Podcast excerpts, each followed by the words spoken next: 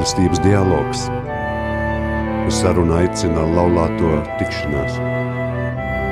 Palieciet manā mīlestībā, Jāņa 15.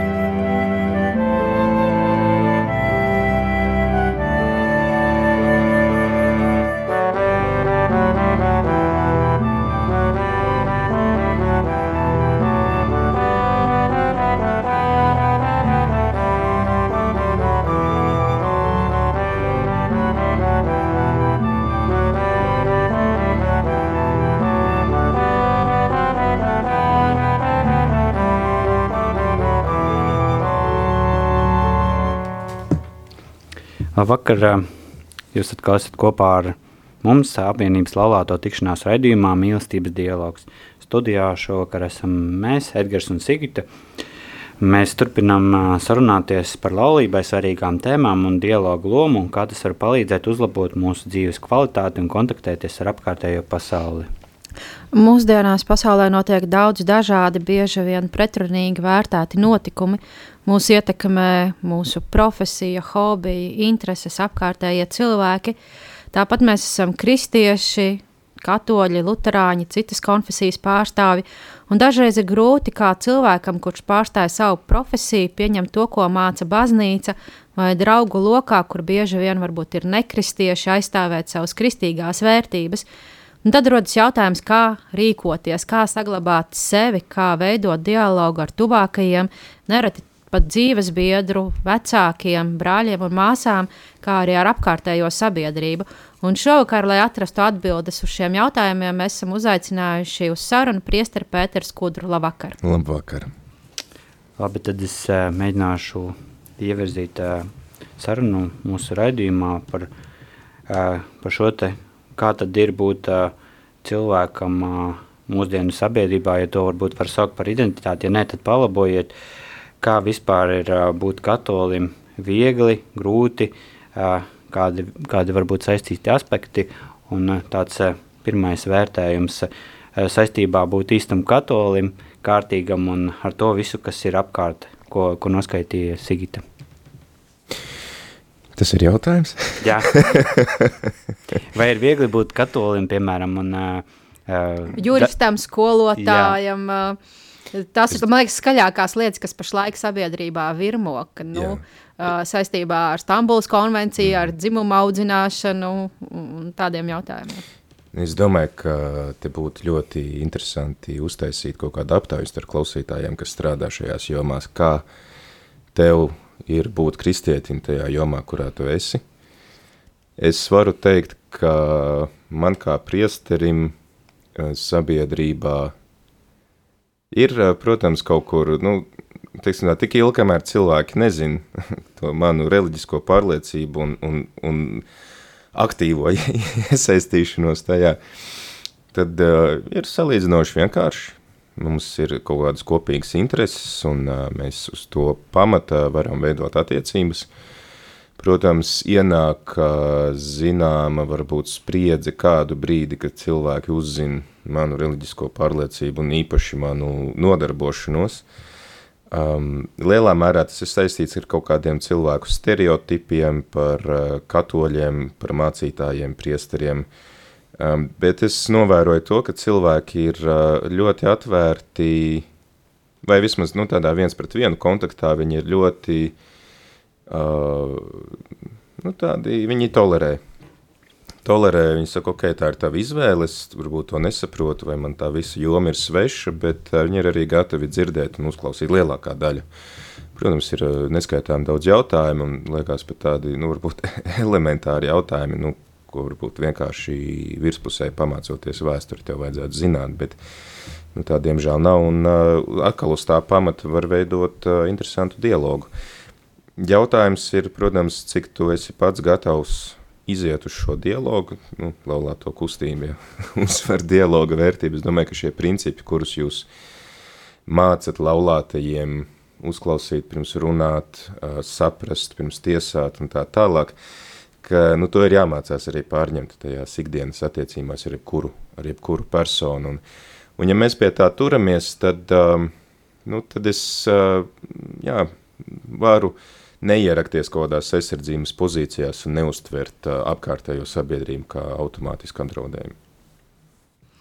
Uh, bet uh, es tomēr gribu pie tiem strīdus jautājumiem. Vienkārši cilvēks, kas mums ierosināja, viņš teica, ka viņš uh, brīžam jūtas uh, apmulsis, jo Jā. kā savas profesijas pārstāvis, viņam uh, varbūt ir savs uh, profesionālais vērtējums, bet apkārt no kristiešiem viņš saprot, ka viņam ir jāieņem pretējais vērtējums. Mm -hmm.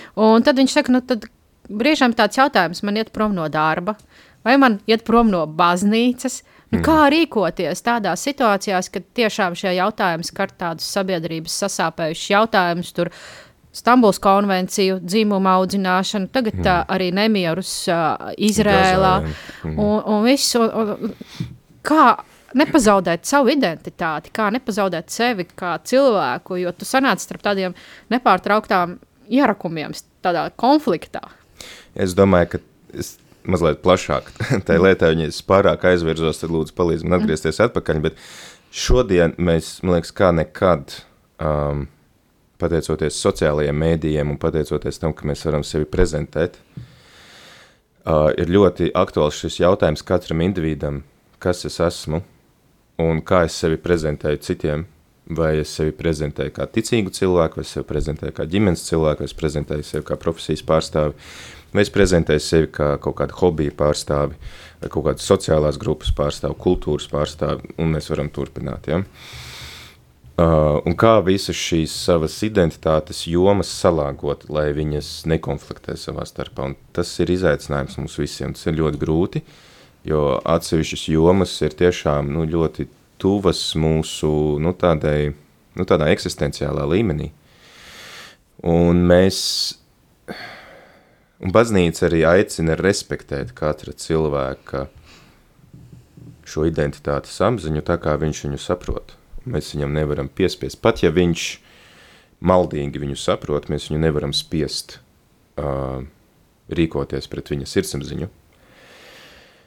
Um, un to ir svarīgi paturēt prātā, īpaši, kad mēs nonākam pie šiem kaut kādiem strīdus jautājumiem, uh, kas skar ticību, kas skar mūsu vērtību, uzskatus un tā tālāk. Um, jo tas ir kaut kas tāds, kas, kas tam cilvēkam ir svarīgs kas viņam varbūt dod šo piederības sajūtu. Es nevaru pateikt hinduistam, ka klausies, zini, ko tu nepareizi dari, ka tu netici Kristum. Protams, ka mums kā kristiešiem mēs nesen svinējām misiju svētdienu, un, un mums ir šis uzdevums sludināt Kristu, bet mēs nedrīkstam piespiest cilvēkus sekot Kristum vai pieņemt Kristu, jo tad, nu, tas ir, pavads arī Francisks ļoti bieži uzsver to, ka mēs uh, esam aicināti liecināt, bet ne nodarboties ar prozelītismu. Ja? Prozelītisms būtu tas, nu, par ko arī Jēzus pārmet farizējiem, ka jūs uh, paši esat kā nobalsināti kapi, tad jūs piespiežat kādu kļūt par jūsējo, un viņš kļūst vēl briesmīgāks par jums, nu tā, tā divkosība sanāk, ja? ka, lai tikai tāpēc, lai iederētos kaut kādā grupā vai... Mums ir ļoti svarīgi tiešām aicināt cilvēkus būt uzticīgiem savai sirdsapziņai. Protams, baznīca māca, ka sirdsapziņa var būt maldīga, jo mēs visi esam sava, nu, iedzimtā grēka skārti savā tajā identitātē. Un mēs pieļaujam kļūdas, gribam mēs to vai negribam, bet eh, joprojām baznīca arī turpina. Pašā katehismu sākumā mēs to lasām, ka sirdsapziņa ir vissvētākā vieta, kur cilvēkam ir vistiešākais kontakts ar Dievu, un pats Dievs respektē cilvēka sirdsapziņas lēmumus un nostājas, un, un mēs zinām, ka viņš dāvā savu mīlestību, viņš aicina, bet viņš nespiež, un viņš dod šo brīvo gribu un, ļauj izvēlēties. Un mums e, ir tas, ko arī baznīca saka, un ko Pāvils Francis bieži atgādina, ir tas, ka baznīca audzina sirdsapziņu, nevis to aizstāja.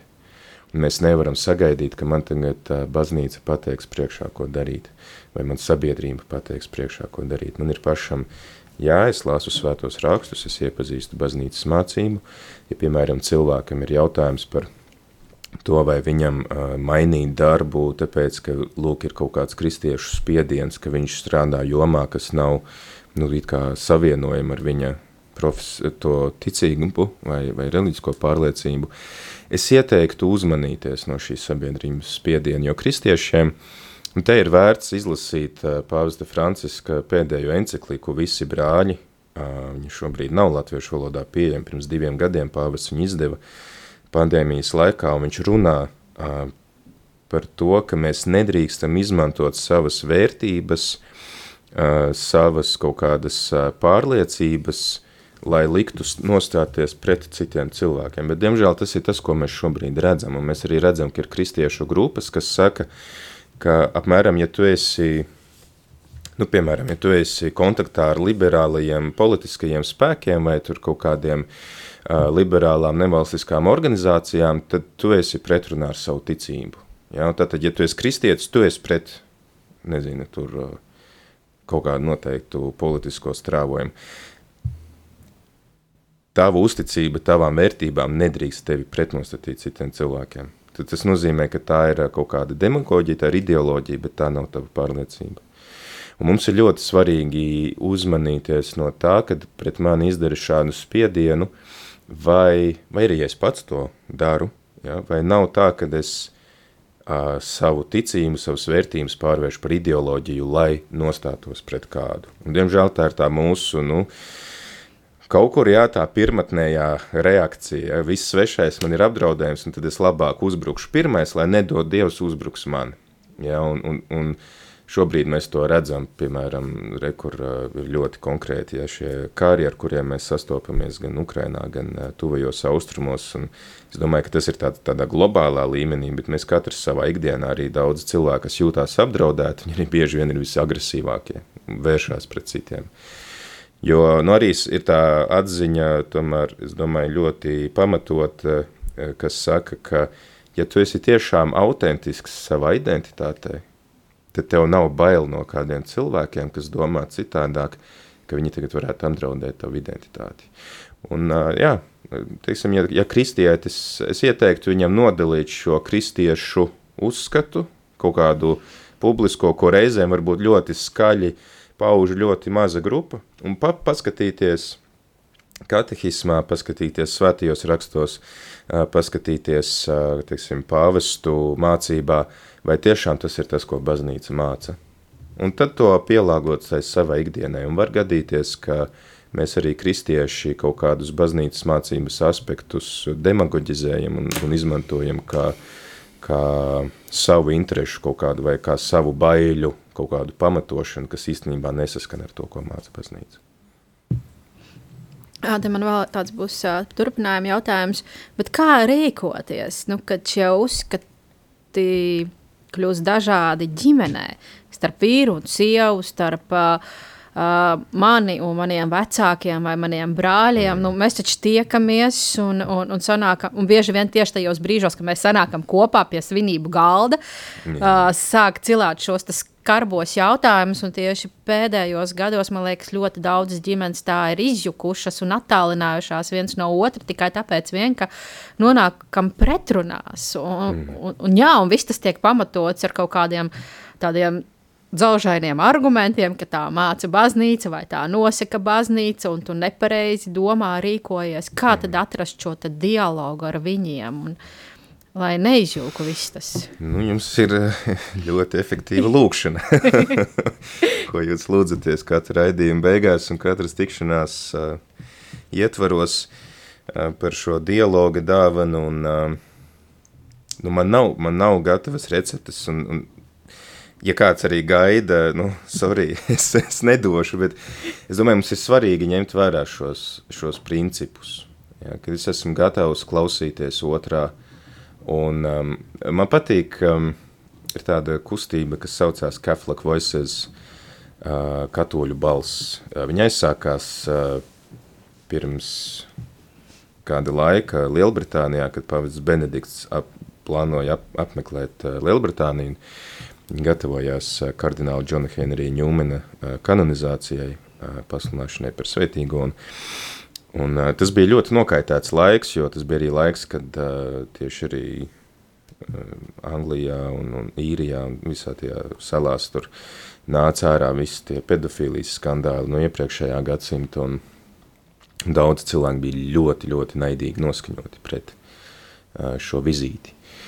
Un bija sauiņa katoļu, kas teica, bet hei, kāpēc, teiksim, arī sabiedriskajos mēdījos parādās tik naidīga attieksme pret šo vizīti? Un iespējams, ka tas ir tāpēc, nevis, ka šie cilvēki tiešām būtu naidīgi noskaņoti, bet vienkārši tāpēc, ka tā ir viņiem pieejamā informācija, ko iespējams piedāvā daži skaļi cilvēki, kas noteikti nepārstāv visu sabiedrību. Un, teiksim tā, balsoties uz šī nezināšanas pamata, nu, ir šī negatīvā attieksme. Un tas, ko viņi darīja, viņi, viņi izveidoja biroju, kas nu, vienas vizītes ietvaros pārvērtās par joprojām pastāvošu organizāciju vairākās pasaules valstīs, un kuras mērķis ir skaidrot šī brīža notikumus un baznīcas mācību cilvēkiem tādā saprotamā valodā, balstoties uz kopīgām vērtībām. Viņi izmanto tādu, nu, latviski būtu burtiski tūlīt pārfrāmēž, ne, kāda, pārrāmēšanas uh, tādu principu, jo reframing angliski būtu, ka cilvēks nāk pie manis ar kaut kādu jau iepriekš pieņemtu uh, nu, stereotipu, gribam vai negribam, mums visiem ir kaut kāda stereotipa, vai ne? Un es ielieku automātiski to cilvēku tajā kastītē, tā tad viņš ir tāds un tāds, balstoties uz manu līdzinājo pieredzi. Un tas, ko mēs kā katoļi varam darīt, esot šajās uh, nu, visās strīdus, konfliktu situācijās, ir pakāpt soli atpakaļ. Tas prasa treniņu, un, un tas nenotiek uzreiz tik automātiski. Un es šobrīd stāstu lietas, kuras man pašam ir ļoti grūti ievērot un, un kaut kādā ikdienas eh, karstumā, protams, ka tas ir ļoti, ļoti sarežģīti. Bet to, to, nu, to var taciņu iestaigāt tādu reakciju, ka tu pakāp soli atpakaļ. Ok, šis cilvēks man izsaka kaut kādu pārmetumu, ot, jūs tur katoļi esat pret, piemēram, Stambuls konvenciju, tā tad jūs esat pret cilvēktiesībām, tā tālāk un tā tālāk. Vai jūs katoļi esat pret to rekur bērnu seksuālu audzināšanu, tikai tāpēc, ka mēs iestājāmies pret to, ka, hei, varbūt bērniem nevajadzētu teikt, ka, nu, viņi var jebkurā laikā mainīt dzimumu un tā tālāk. Un tā vietā, lai tagad nu, no visa spēka dotu pretī, ka nē, ot, jūs tur liberāļi samaitājat tur cilvēkus un visas problēmas nāk no jums un tā tālāk, ok, šis cilvēks pirmkārt nevēršās pret mani kā pret personu. Tad man nav jāuztver personiski tas uzbrukums. Otrkārt, viņš vēršās pret kaut kādām idejām. Treškārt, kāpēc viņš vēršās pret šīm idejām? À, viņam ir svarīga nu, rekupējuma cilvēktiesības, lai, lai cilvēki neciest no vardarbības. Bet tā ir arī mūsu vērtība. Un mēs palīdzam šim cilvēkam iziet no tā rāmīša, kurā viņš mums ir ielicis, un teikt, hei, klausies, es saprotu, ka tu iestājies par šo vērtību, arī mēs esam par šo vērtību, mēs varam būt kopā par šo vērtību. Un tad uz tās kopīgās vērtības bāzes veidot to dialogu un skatīties, kā mēs varam atrast risinājumu. Protams, varbūt tas nenotiks uh, uzreiz vienas sarunas laikā, tas varbūt nenotiks tur desmit sarunu laikā, bet tas radīs šo nu, savstarpējās uzticēšanās vidi. Un, protams, ka ģimenē tas ir daudz grūtāk. Es atceros savā bērnībā, es neko daudz nesapratu par politiskajiem notikumiem Latvijā, bet es ļoti dzirdēju tādus vārdus kā repše un, un citi, jo, nu, ja, ja vecākiem beidzās par ko strīdēties temati, tad bija, jā, bet tu tur kā viņš tur izsaimniekoja un viss, un, un tā un šitā, un mana re, kur tur vecmama pazaudēja tur savus sakrātos rubļus, jau otrā epša tur to un šitā, un tad atkal otrs, nu jā, bet tur par ko tu tur otru par nacionāļiem balsoja, nu fuj, jā. Nu, mācīties, jā, kaut kā Es domāju, ka ģimenēs, ģimenēs ir jāmācās kaut kā vienoties par to, kā mēs, cik daudz mēs runājam par šīm lietām, cik nē. Uh, cik mēs identificējam viens otru ar tām idejām, ko katrs pārstāv. Un, un var atrast ļoti labus, ļoti labus kaut kādus kompromisus un līdzās pastāvēšanas variantus, un, kur cilvēki saprot, ka viņi var viens, otra, viens no otra bagātināties, nevis tikai redzēt apdraudējumu un kādu pret ko karot. Un, mēs to arī Latvijā redzam. Mums ir ļoti daudz, piemēram, šīs jauktās laulības starp dažādām konfesijām, ticībām. Un, un es varu teikt, ka tas nav viegli, bet ir ļoti daudz labi piemēri, kur cilvēki tiešām atrod veidus, kā, katrs var brīvi praktizēt to savu ticību un audzināt bērnus, un, un bērni aug atkal šajā vidē, kur viņi redz, ka jā, var pastāvēt šie dažādi uzskati, un viņi var atrast veidu, kā pastāvēt līdzās, un tas ir, manuprāt, pats svarīgākais, jo mēs nekad neatradīsim divus cilvēkus, kas domā identiski pilnīgi visos jautājumos. Bet es gribu tad eh, nedaudz papildus jautājumu par to savu personisko robežu. À, jūs pieminējāt toleranci un un uh, ieklausīšanos no visa, bet uh, nu, kaut vai piemēram tā situācija, kad uh, nu, darbā vai ģimenē vienalga, kur kāds apgalvo, ka kad īstenībā nu, visi priesteri tāpat uh, ir attiecībās ar sievietēm un, un līdzīgi šie Tas jau ir uh, kompliments, ja cilvēki tā saka. Jā, nu, te, un, nu, kaut kādi līdzīgi, ka, ka katoļu baznīca interesēs tikai par naudu un tā tālāk. Nu, līdzīgi tādas, tādi stereotipi, kas ir, cik viņi patiesi, mm. bet, bet, bet kur ir tieši tā manā robeža, jo no vienas puses loģiski domājot kaut ko apgalvot, ka tā nav, kad uh, tas ir viss stereotipi un tā tālāk ir pilnīgi bezjēdzīgi, jo tas cilvēks jau nu, runā kaut kādās klišejās, kuras viņam pat īpaši nav svarīgas, viņš vienkārši viņas runā, nu, viņš tā domā un viss. Un, un ja ar putām uz lūpām viņam tikai mēģinās kaut ko pierādīt, tad atkal sanāks tikai atklāts konflikts. Jo, jo īstenībā jau bieži vien pat daudziem nav tik ļoti svarīgi tas nu, runāt par šo mm. lietu kā par tēmu. Vienkārši tad, tā ir tāda, nu, kad izvērt tas tāda runāšana, runāšanas pēc par kaut ko. Mm. Un, un jēga vai ir mesties cīnīties par šo jautājumu. Nu, arī to var jebkurā situācijā. Kur ir tā robeža, ka, kas ir kā, tas pēdējais, ko, no kā nedrīkst atkāpties? Varbūt to var definēt kaut kā. Es domāju, ka šeit ļoti laba atbilde. Tā būs ļoti nu, tāda laikietilpīga un gara atbilde, bet ir šis pāvesta dokuments Visi brāļi, Fratelli Tutti, kur viņš tieši par šo jautājumu runā no dažādiem aspektiem, mm, politiskā līmenī, ekonomiskā līmenī, personiskā līmenī, no, no, dažādiem, no dažādām pusēm, un, un to ir vērts, vērts pārlasīt. Es domāju, pirmkārt ir būt stipram savā identitātē un neuzskatīt katru cilvēku kā apdraudējumu manai identitātei. Ja mani apdraud manā identitātē kāds cilvēks, kas man izaicina man svarīgos jautājumos, tad ir jautājums, vai es tiešām esmu stipri savā identitātē. Un tad es aicinātu nu, nostiprināties tajā, piemēram, ja tas skar ticības jautājums konkrēti, lūdzu, nezinu, klausies rādio Marija, lasi baznīcas dokumentus, grāmatas, uh, izzini, izproti tos jautājumus, kāpēc tu pats pārstāvi šo uh, kaut kādu uzskatu sistēmu. Vai tas ir vienkārši tāpēc, ka tu esi uzaudzis tādā vidē un, un tu esi tā pieredzis domāt, vai arī, uh, vai arī tā ir tiešām tava pārliecība, par ko tu esi gatavs stāvēt un, un kas iedvesmo visas tavas attiecīgi tālākās uh, darbības. No otras puses, es ieteiktu izvērtēt uh, otra cilvēka, nu, es domāju, ka mēs tā mēģinam, varam mēģināt saprast otru cilvēku. Un ja es redzu, ka cilvēks izrāda interesi, mēs varam mēģināt nevis cīnīties, bet tiešām mēģināt skaidrot un, un, un vienmēr dot šo savu personisko liecību. Personiskā liecība vienmēr ir tā, kas nostrādā. Nevis tur izsmalcināti argumenti, Jo tas var klausī, izklausīties ļoti mākslīgi, bet šī izsmalcinātie argumenti, ja viņi ir piepildīti ar, ar personisko liecību, Pāvils Pāvils VI savā dokumentā par evaņģēlīju pasludināšanu, viņš par to tieši runā, ka mūsdienās ir vajadzīgi liecinieki. Viņi cilvēki arī klausās skolotājos, viņi skolotājos klausās tikai tāpēc, ka viņi ir liecinieki. Lūk, tā ir mana personiskā pieredze.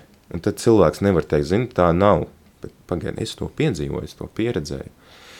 Un uh, visbeidzot, jā, ja es redzu, ka tas cilvēks nav gatavs klausīties, un es viņam dalos ar pieredzi, es dalos ar argumentiem, viņš man vienalga turpina malt, tur visi katoļu priestari ir pedofīli, un, un katoļu baznīca ir lielākā tur naudas izkrāpšanas organizācija, nu, tad jā, nu, sorry, nu, tad nekaisiet pērlis cūkām, kā viņš netērē savu laiku, saka, ok, paldies, tas tavs uzskats, nu, turpina atjoko pretī, pieeja tai lietai ar humoru, un, un, uh, un dara tālāk savas lietas. Uh, tu minēji, ka jābūt stipram savā identitātē. Jā. Uh, vai, var, vai var teikt, ka mēs esam stipri savā identitātē, vērojot sabiedrību? Kā kurš? Es domāju, ka stipri savā identitātē ir tie cilvēki, kuri ir gatavi dialogam un kuri nenorobežojas. Jo ir ļoti viegli pateikt, vai nu mēs, vai, vai viņi. Un pāvests par to ļoti daudz runā, jā, visi brāļa. Ja manas vērtības nodala kādu grupu tajos vai viņos, kaut kas nav kārtībā. Un tie cilvēki, kas nav par sevi pārliecināti, tie tad, jā, tie tad teiks, ja tu ot, nebalsosi par šo politisko spēku, nāks pie varas ot, tie, un tad jau ot, būs slikti. Ja? Un es domāju, ka šī mūsu brīža politiskā situācija, kuras savēlētas tik daudzas partijas, ja, mūsu saimā, un, un ir, viņa ir tik daudzšķautnaina un krāsaina, es domāju, tas ir tāds lielisks, nu, tāda treniņu vieta, kur mēs varam tagad mācīties to dialogu veidot un sēsties pie galda un meklēt tās kopīgās vērtības, nevis, nu, mēs redzam, cik ilgi tā valdība nevarēja izveidoties tikai tāpēc, ka, ā, nu es, manas vērtības neļauj sēdēt ar tiem tur pie viena galda piedod, bet tevi ievēlēja pie tā viena galda, un tev ir jāsēžās ar viņiem pie viena galda, un tev ir jāmeklē šī saruna. Tas nenozīmē, ka tu atsakies no savām vērtībām, bet tu meklē šos saskares punktus. Man ļoti patīk, ka pāvests aizbrauc uz Portugāli. Pirms pasaules jauniešu dienām viņš tikās ar Portugāles nu, tur to saucamo visiem tiem politiķiem un, un, un diplomātiem, un, un viņš runāja par robežām, jo, nu, mēs zinām, Portugāla ir kādreiz bijis ļoti, nu, tāds dinamisks, nu, tāda dinamiska vieta, no kuras plūst kuģi uz visu pasauli, vai ne? Un viņš runā, ka šīs robežas ir nevis kā kaut kas, kas mūs nodala no citiem, bet tie ir saskares punkti, tie ir tilti, kas mūs, kur mēs atrodam šo saskaru ar citiem, uh, Un tas nenozīmē pazaudēt savu identitāti, bet tas nozīmē to, ka es redzu, kas ir otram tāds, kas nav man, un kas man ir kaut tāds, kas mani atšķir no otra, un es ar to varu dalīties. Nevis es to ieslēdzu un nedod Dievs kāds atņems man manu latvietību, manu ticību, manu, nezinu, tur vērtību sistēmu un tā tālāk, bet ka tas ir kaut kas tāds, ar ko es varu dalīties ar pārējiem. Un es varu noteikti mācīties kaut ko no citiem. Lai mēs galīgi nepārkarstu domās par savu identitāti, paklausīsimies kādu dziesmu.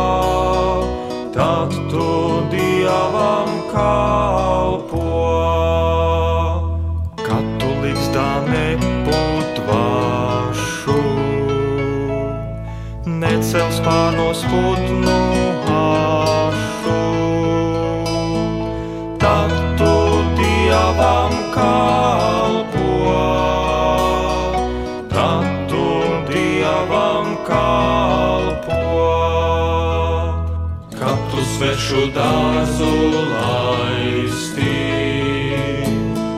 Priecājies, cik augļi skaisti. Tad tu Dievam kalpo, tad tu Dievam kalpo. Kad tu vienmēr gatavs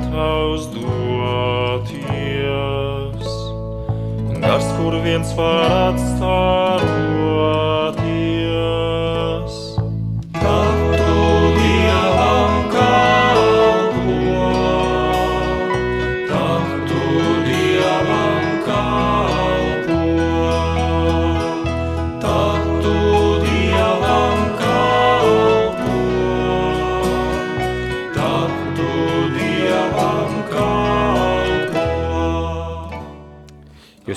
Joprojām klausāties apvienības laulāto tikšanās raidījumu mīlestības dialogs. Un šeit esam mēs, Edgars un Sigita. Šovakar kopā ar mums ir priesteris Pēteris Skudra. Un mēs turpinām sarunāties par mūsu identitāti. Aha. Pirms gatavoties šim raidījumam, mēs uzrunājām mūsu klausītājus un lūdzām viņiem padalīties, kā viņi spēj savienot uh, sevi profesionālo identitāti ar kristiešu identitāti, vispār kā viņi sajūt savu identitāti un ko viņi jūt. Atsaucība šoreiz nebija liela, tāpēc man liekas, ka tā tēma ir tāda, ka, kas visus nedaudz biedē, Jā. interesē, bet biedē. Bet mēs saņēmām vienu Kaut kāda nepareiza atbilde iesniegt. Jā, viss laikam biedēja, ka viņi pateiks kaut ko nepareizi un atkal mm. saņems kādu nosūtījumu. Mm. Bet mēs saņēmām vienu komentāru, un es viņu nolasīšu, un, un tad mēs varētu pāriet arī pie nākamajiem jautājumiem. Tas ir tāds.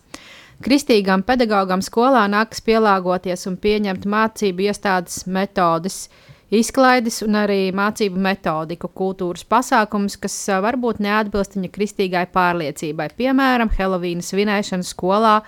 Man kā klases audzinātājam ir jānodrošina šāda izklaide savai klasē, ja tāds ir skolas uzstādījums. Tāpat arī Lieldienu un Ziemassvētku svinēšana man ir jāsvin atbilstoši tām tradīcijām, kādas ir mācību iestādē. Bieži tās ir pagāniskas tradīcijas. Tāpat mm -hmm. uh, ir jāpieņem mācību materiāli. Sevišķi šobrīd ļoti samilzušais dzimuma audzināšanas uh, materiāls, um, grāmatiņa, vai arī papardes zieda mācī, uh, lekcijas par agrīno seksu un prezervatīvu lietošanu. Uh, jā, tāds ir šis komentārs, un varbūt tad jautājums, uh, jā, kā tad rīkoties šim skolotājam? Uh, vai ja mājās ir bērni, kas apmeklē mm. skolu, kur ir šāds uzstādījums, ka, nu, Jā, pagājušo nedēļu bija Helovīns. Uh, klase tiek dekorēta ar zirnekļiem un mošķiem. Visiem jāierodas skolā mošķu ķērpos. Mēs visi kolektīvi svinām šos svētkus. Bet ģimenē varbūt tas uzstādījums, ka mēs tomēr ejam uz baznīcu un nesvinam mošķu mhm. svētkus. Vai, uh, kad nu, mēs svinām nevis Ziemassvētkus ar silīti vai nu, kaut kādām nezinu, bībeles stāstu lasīšanu, bet mēs visi kolektīvi valkam bloķi apkārt skolā. Mm -hmm. nu, kā tad rīkoties? Bet bērnam ļoti ķirbi gribās. Nu, jā, un bērns atnāk no skolas un viņš saka, nu, es arī iešu tagad vakarā konfektes pie kaimiņiem ievākt, mm. jo nu, visa klase ies un rītā lielīsimies. Nu, redz, mums būtu ļoti viegli pateikt vainu vainu. Melns, balts un viss, un, un citādi nevar. Un mēs tādā veidā paliekam ļoti kategoriski. Uh, Protams, kāds varētu teikt, ka ir kaut kādas nu, šīs ot, sarkanās robežas, ja, jau tā folklorā ir iegājis, es te valku sarkano robežu, un, un tā ir, bet no otras puses, tas, ko es sacīju par to pār, nu, reframingu, ja, pārrāmēšanu, nu, kāpēc cilvēki to dara, un kas aiz tās lēpjās? Un, uh, kas ir tās kopīgās vērtības, par kurām mēs varam runāt ar bērniem. Runājot par vecākiem, es domāju, ka tas būs šobrīd visplašākā grupa.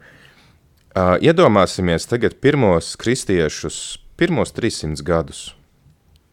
Nu, tu esi Romas pilsonis, dzīvo kaut kur Grieķijā vai, vai nu, tagadējā tur Turcijas teritorijā vienalga.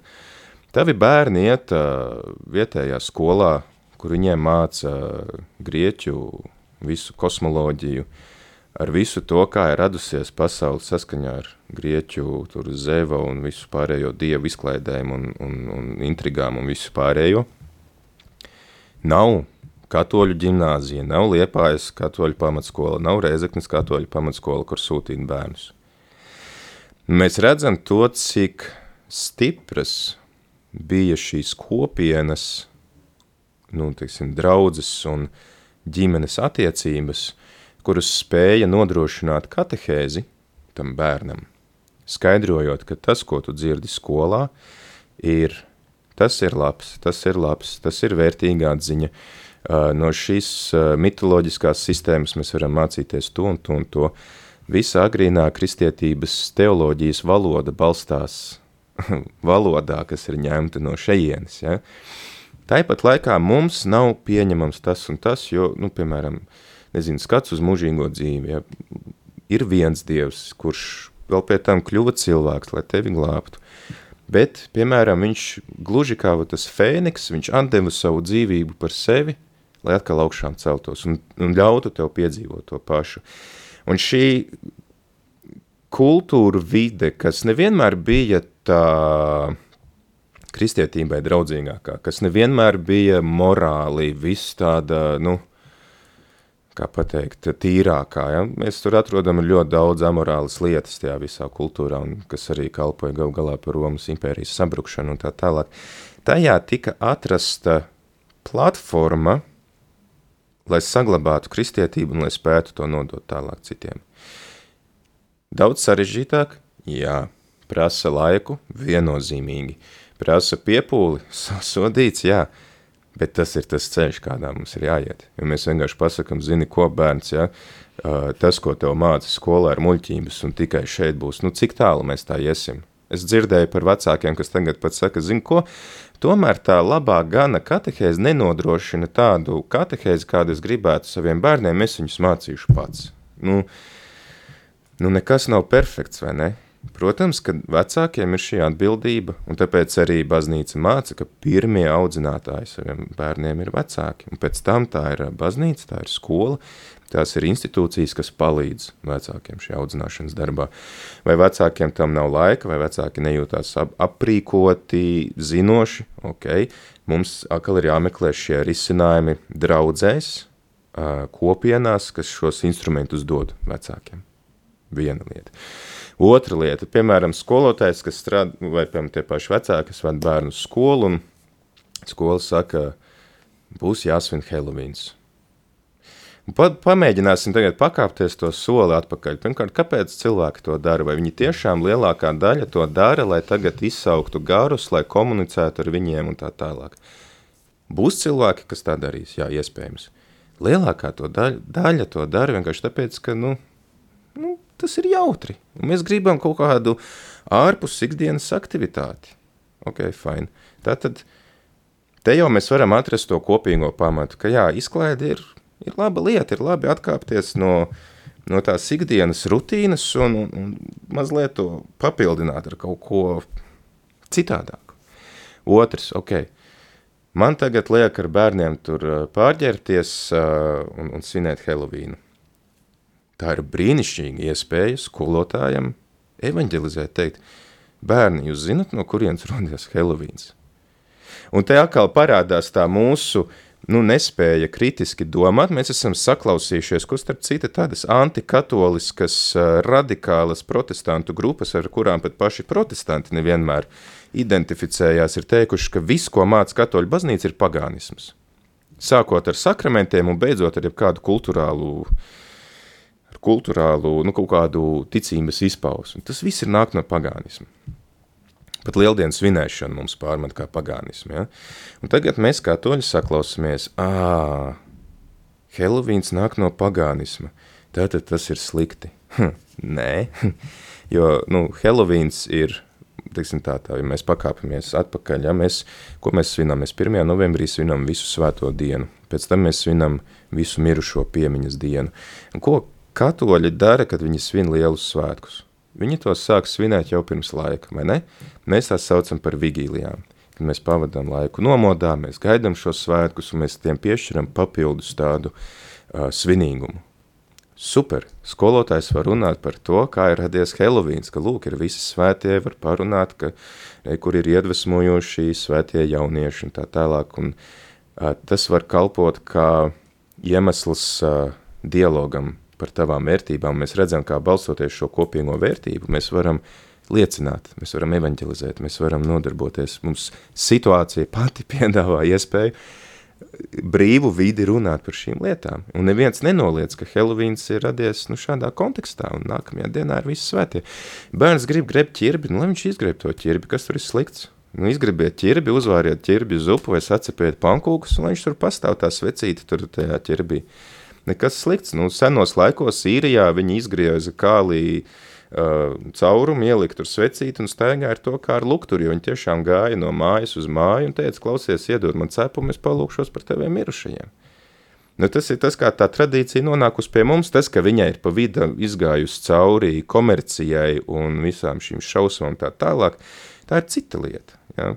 Bet arī tāpat laikā, nu, arī tas, tas baiļu moments, ja tagad viss bailīgais un tā tālāk, nu, arī psiholoģija rāda, ka tas ir vajadzīgs. Nu, bērni taču jau no agra vecuma spēlē to pikabū, ja, nu, ka tu bām, jā, re, kur es pazudu un hopā es esmu. Nu, kaut kur mums to arī pieprasa, nu, to adrenalīnu bišķīt. Protams, saprātu robežās. Tikai es domāju, ka ir daudz vieglāk pateikt, tas ir labi, tas ir slikti, bet mums ir jāiet šis grūtais ceļš un mums ir jāiet, jāmācās, at, teiksim tā, neizliet to ūdeni ar, ar, ar visu to bērnu, kas ir iekšā tajā baļā un, un saglabāt tās labās lietas. Un, ja mēs skatāmies uz kristietību, kā viņa nonākusi līdz mums tieši pirmajos gadsimtos, tad pirmie baznīcas tēvi un, un sievas, viņi ir tieši šādā veidā to darījuši. Visu labo paturiet, kā apustulis Pāvils saka, un pārējo atmetiet, bet visu pārbaudiet. Un nav tā, ka automātiski viss kaut kas, ko mums piedāvā, ir slikts. Un, nu, par to seksuālu audzināšanu skaidrs, ka viņa ir vajadzīga. Viņa ir vajadzīga. Kā tas notiek, tas ir cits jautājums. Bet atkal tā mums dod platformu runāt par šīm lietām. Problēma ir tāda, ka mēs kristieši baidamies par to runāt. Kā mēs runāsim par seksu? Šausmas. Ja? Man pašam tagad nesen bija psihosomātikā jānodod refer, nu, ne referāts, prezentācija. Mēs ar Arziju studēju. Un, Un pasniedzēja arī teica, ka ir gadi, kad cilvēkiem ir jārunā par psihosomatiskajām saslimšanām un, un cilvēku reproduktīvo sistēmu, un, un pieaugušie cilvēki sargdami un bālēdami runā par nu, reproduktīviem orgāniem. Kas tur ir slikts? Kas tur ir tāds apkaunojošs? Nu, par to ir jārunā. Un ja mēs iemācāmies par to laicīgi runāt veselīgā veidā ar saviem bērniem, tad uh, Mēs arī izvairīsimies no neveselīgiem seksualitātes apspiešanas veidiem, mēs izvairīsimies no kaut kādām nevēlamām grūtniecībām un visādām tādām lietām, tāpēc, ka mēs parādīsim, ka tā ir daļa no mūsu identitātes, un mēs nevaram nu, izturēties pret to kā pret tabu. Bet tomēr es gribu par tām sarkanām līnijām runājot. Par to Helovinu, kur tad ir tā sarkanā līnija pārkāpta, un e, tas jau ir grēks? Tavā sirdsapziņā. Ja tev liek rīkoties pret tavu sirdsapziņu, nedari to. Bet tu nedrīkst uzspiest citiem, jo var būt, ka tava sirdsapziņa ir jutīgāka nekā cita cilvēka sirdsapziņa. Uh,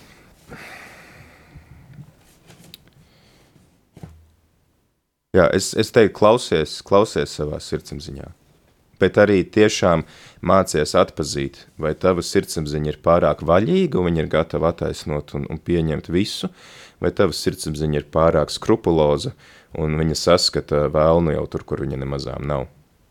Un mācies atrast šo vidusceļu, mācies saprast, kāpēc to cilvēki dara, ko viņi tur dara, ar kādiem nodomiem to dara, kādiem nodomiem tu pats to dari. Ja? Uh, un ar kādiem nodomiem eh, tu iestājies par vai pret kaut ko. Un eh, tad, eh, tad arī vari uzskatīt, ka tu būsi visautentiskākais. Un to arī drīksti pateikt, ziniet, man tas nav pieņemami, es to nedarīšu. Un cilvēki to respektēs, jo tu esi autentisks, bet tu neteiksi, ka, ziniet, jūs visi tagad tur uh, es jūs nevaru izturēt un man jāmazgā rokas tagad, jo es esmu bijis saskarē ar jums. Nu nē, ok, jums sirdsapziņa to atļauj, dariet, es tajā neiesaistos. Man ir viens tāds izcils piemērs šeit ar uh, brīvprātīgajiem rādījām arī ēterā. Mums bija brīvprātīgie, kas sagatavoja tas raidījums, vēl joprojām skan. Uh, viņi bija sagatavojuši raidījumu, un es noklausījos, nu, ko viņi runā pirms šī raidījuma. Es saku, ziniet, vīri un sievas un tā tālāk, tas, tas nesaskan ar nu, to, ko mēs mācām šeit, rādījumā, arī, un es nevaru ļaut šim raidījumam izskanēt ēterā. Un tie cilvēki teica, zini, tas, ko tu sāki, es tam nepiekrītu, bet es to respektēju. Un tas bija pirmajā sezonā, un tas raidījums skan joprojām. Tad, kad mēs esam atklāti viens pret otru, un kad mēs sakam, zini, es nespēju pieņemt to, ko tu saki, un, nespēju, un tu nespēji pieņemt to, ko es saku, un mēs viens otru tajā respektējam, paliksim pie tām lietām, kur mēs varam vienoties. Un lūk, sadarbība turpinās vairāk gadu garumā. Mm. Vēl būs tāds jautājums saistībā ar mūsu kristiešu identitāti, bērniem. Un kā tu arī minēji, mūsu sabiedrībā ir daudz jauktās ģimenes. Mm. Uh, un tas jautājums ir tāds, ka. Mm, Konfesionāli jauktās ģimenes. Nu, daži, jā. Jā. Uh, mēs, uh, nu, mums katram ir savi hobiji. Mm -hmm. Un uh, bieži vien šie hobiji uh, kā noved pie tā, ka sestdienās un svētdienās ir mm. sacensības, ir koncerti, ir pasākumi, bet mēs esam kristieši, kur, Ir kuriem spēles, sporta kaut kādas, piemēram. Nu jā, sacensības. Un tad uh, ir tā, ka bet mums kā kristiešiem svētdienā jāapmeklē baznīca. Un mēs vienlaiku ļoti pārdzīvojam, kā krustvecāki, ka mūsu krustbērns vispār svētdienās nenāk uz baznīcu. Un, kad mēs runājam ar mammu, tad atbildi ir, bet viņai ir sacensības. Kā, kā tad ā, rīkoties, kā runāt ā, ģimenē par šo jautājumu un kā rast kompromisu? Jo no vienas puses, jā, mēs gribam, lai bērns nodarbojas ar sportu vai dzied kādā korītī vai dejo deju kolektīvā. Mēs paši gribam dziedāt korī vai dejo deju kolektīvā, bet rezultātā sanāk, ka mēs kā kristieši pazūdam kaut kur. Es domāju, ka tas ir jautājums par laika menedžmentu, protams, par prioritātēm.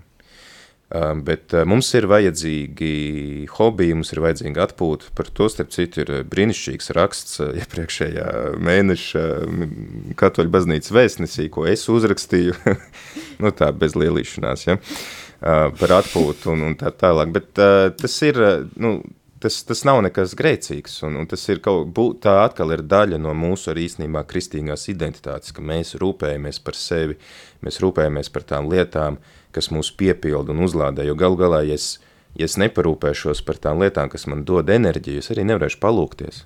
Es arī nevarēšu atrast laiku iedziļināties kādā baznīcas mācības aspektā, kas skar manu profesionālo darbu. Es nespēju atrast laiku savai ģimenei, jo es vienkārši būšu šis laiku uzvilkts. Ja, nu tad kā mēs varam runāt par garīgo dzīvi, es neprotu atpūsties. Jāņem vērā arī tas, ka mēs dzīvojam sekulārā sabiedrībā. Gribam mēs to vai nē, bet atzīstam, mēs redzējām pirms pieciem gadiem, cik cilvēki ieradās uz pāvesta vizīti. Nu, nebija tie tik daudz katoļu, cik mēs uz papīra zīmējam. Ja?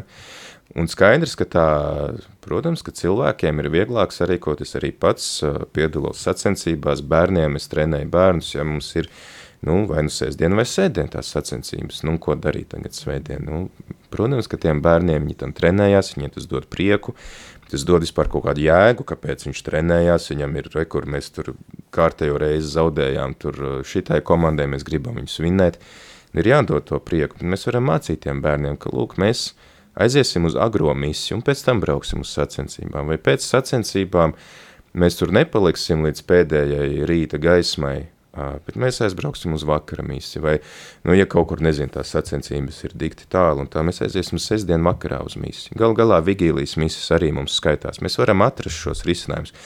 Pa ceļam uz sacensībām mēs varam visi kopā kā ģimene palūkties, piemēram, slavēt Dievu mašīnā vai, vai palūkties rožu kroni vai, nezinu, nolasīt svēto rakstu vietu un, un dalīties, kā šī svēto rakstu vieta mani uzrunā. Un, un mašīna šai ziņā ir nu, brīnišķīga iespēja, ja mēs kaut kādu noteiktu laiku varam arī praktizēt kluso lūkšanu, mēs varam praktizēt dalīšanos, mēs varam praktizēt slavēšanu, ko tik mēs nevaram darīt, mēs esam pietiekami arī tādā privātā vidē, kur mēs to varam darīt. Es domāju, pieietai lietai radoši, jo, nu, iedomājieties, tagad ir kristieši Izrēlā. Izrēlā svētdiena ir darba diena, pirmā nedēļas diena, un tad ko tu tagad darīsi, neies uz darbu, tāpēc, ka tev ir svētdienā jāiet uz misi? Nu, tu pielāgosies tajā situācijā, ok, piekdienas, sestdien, brīvdienas, aizies sestdien uz vakara misi, vai, piemēram, svētdien pusdienlaika pārtraukumā aizēju ātri uz misiju un pēc tam ātri pēdu un skrienu atpakaļ uz darbu vai sarunāju darba vietu, ka es, nu, nezinu, būšu tur stundu vēlāk vai risināt tās lietas. Risināt atkal nenodalīt. Var, nevar, labs, slikts, nu, pielāgot to situāciju un arī runā ar Dievu, jo Dievs nav, tāpēc arī viņš runā, ka viņš saka, es izvērtēju vispirms cilvēka sirdi, nevis to ārējo darbību, jo var būt tā, ka es svētdien neko nedaru, es aizēju uz misi, bet es esmu tik pilns ar, ar varbūt, nu, kaut kādu, nezinu, nosodījumu niknumu, ka re, kur man tagad, nu, kaut kādu uzvilktību, ka re, kur man nav laika, tur, man, vot stulbā svētdiena, ja, bet vot es, vot izpildīšu viņu, nu, Dievam tas nav vajadzīgs.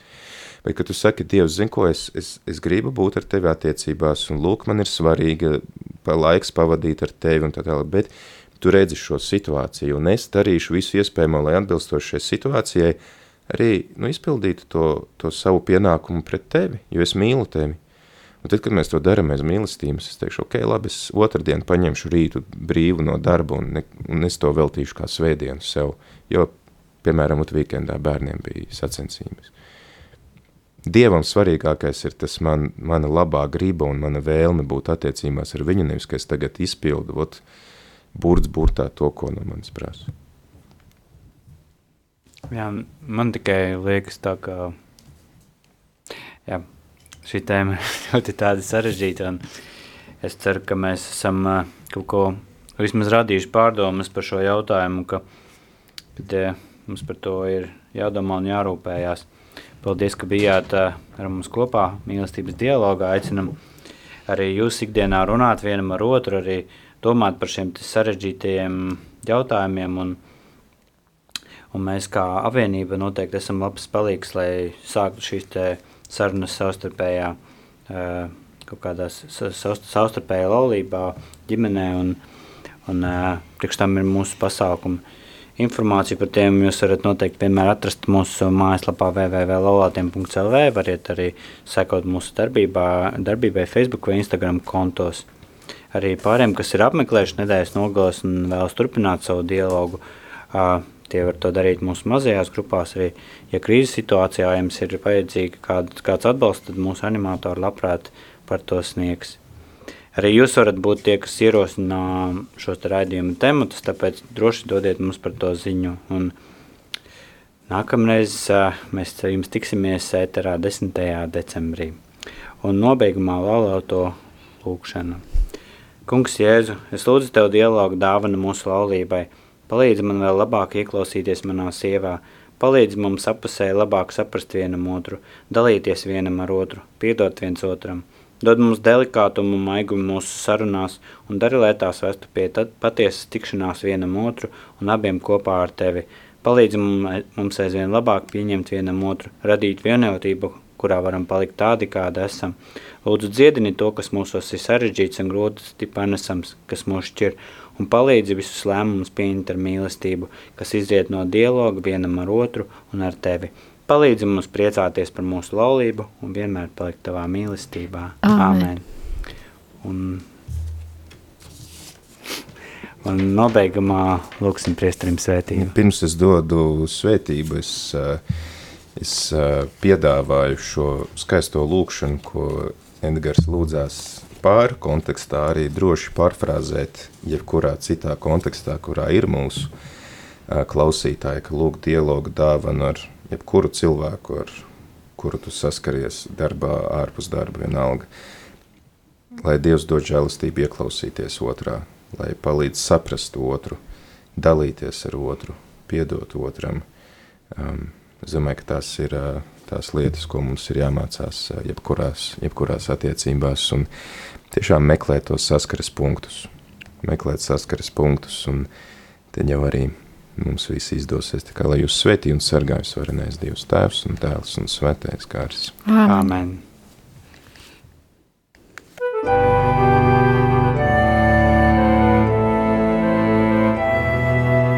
Mīlestības dialogs. Saruna aicina laulāto tikšanās. Palieciet manā mīlestībā, Jāņa 15.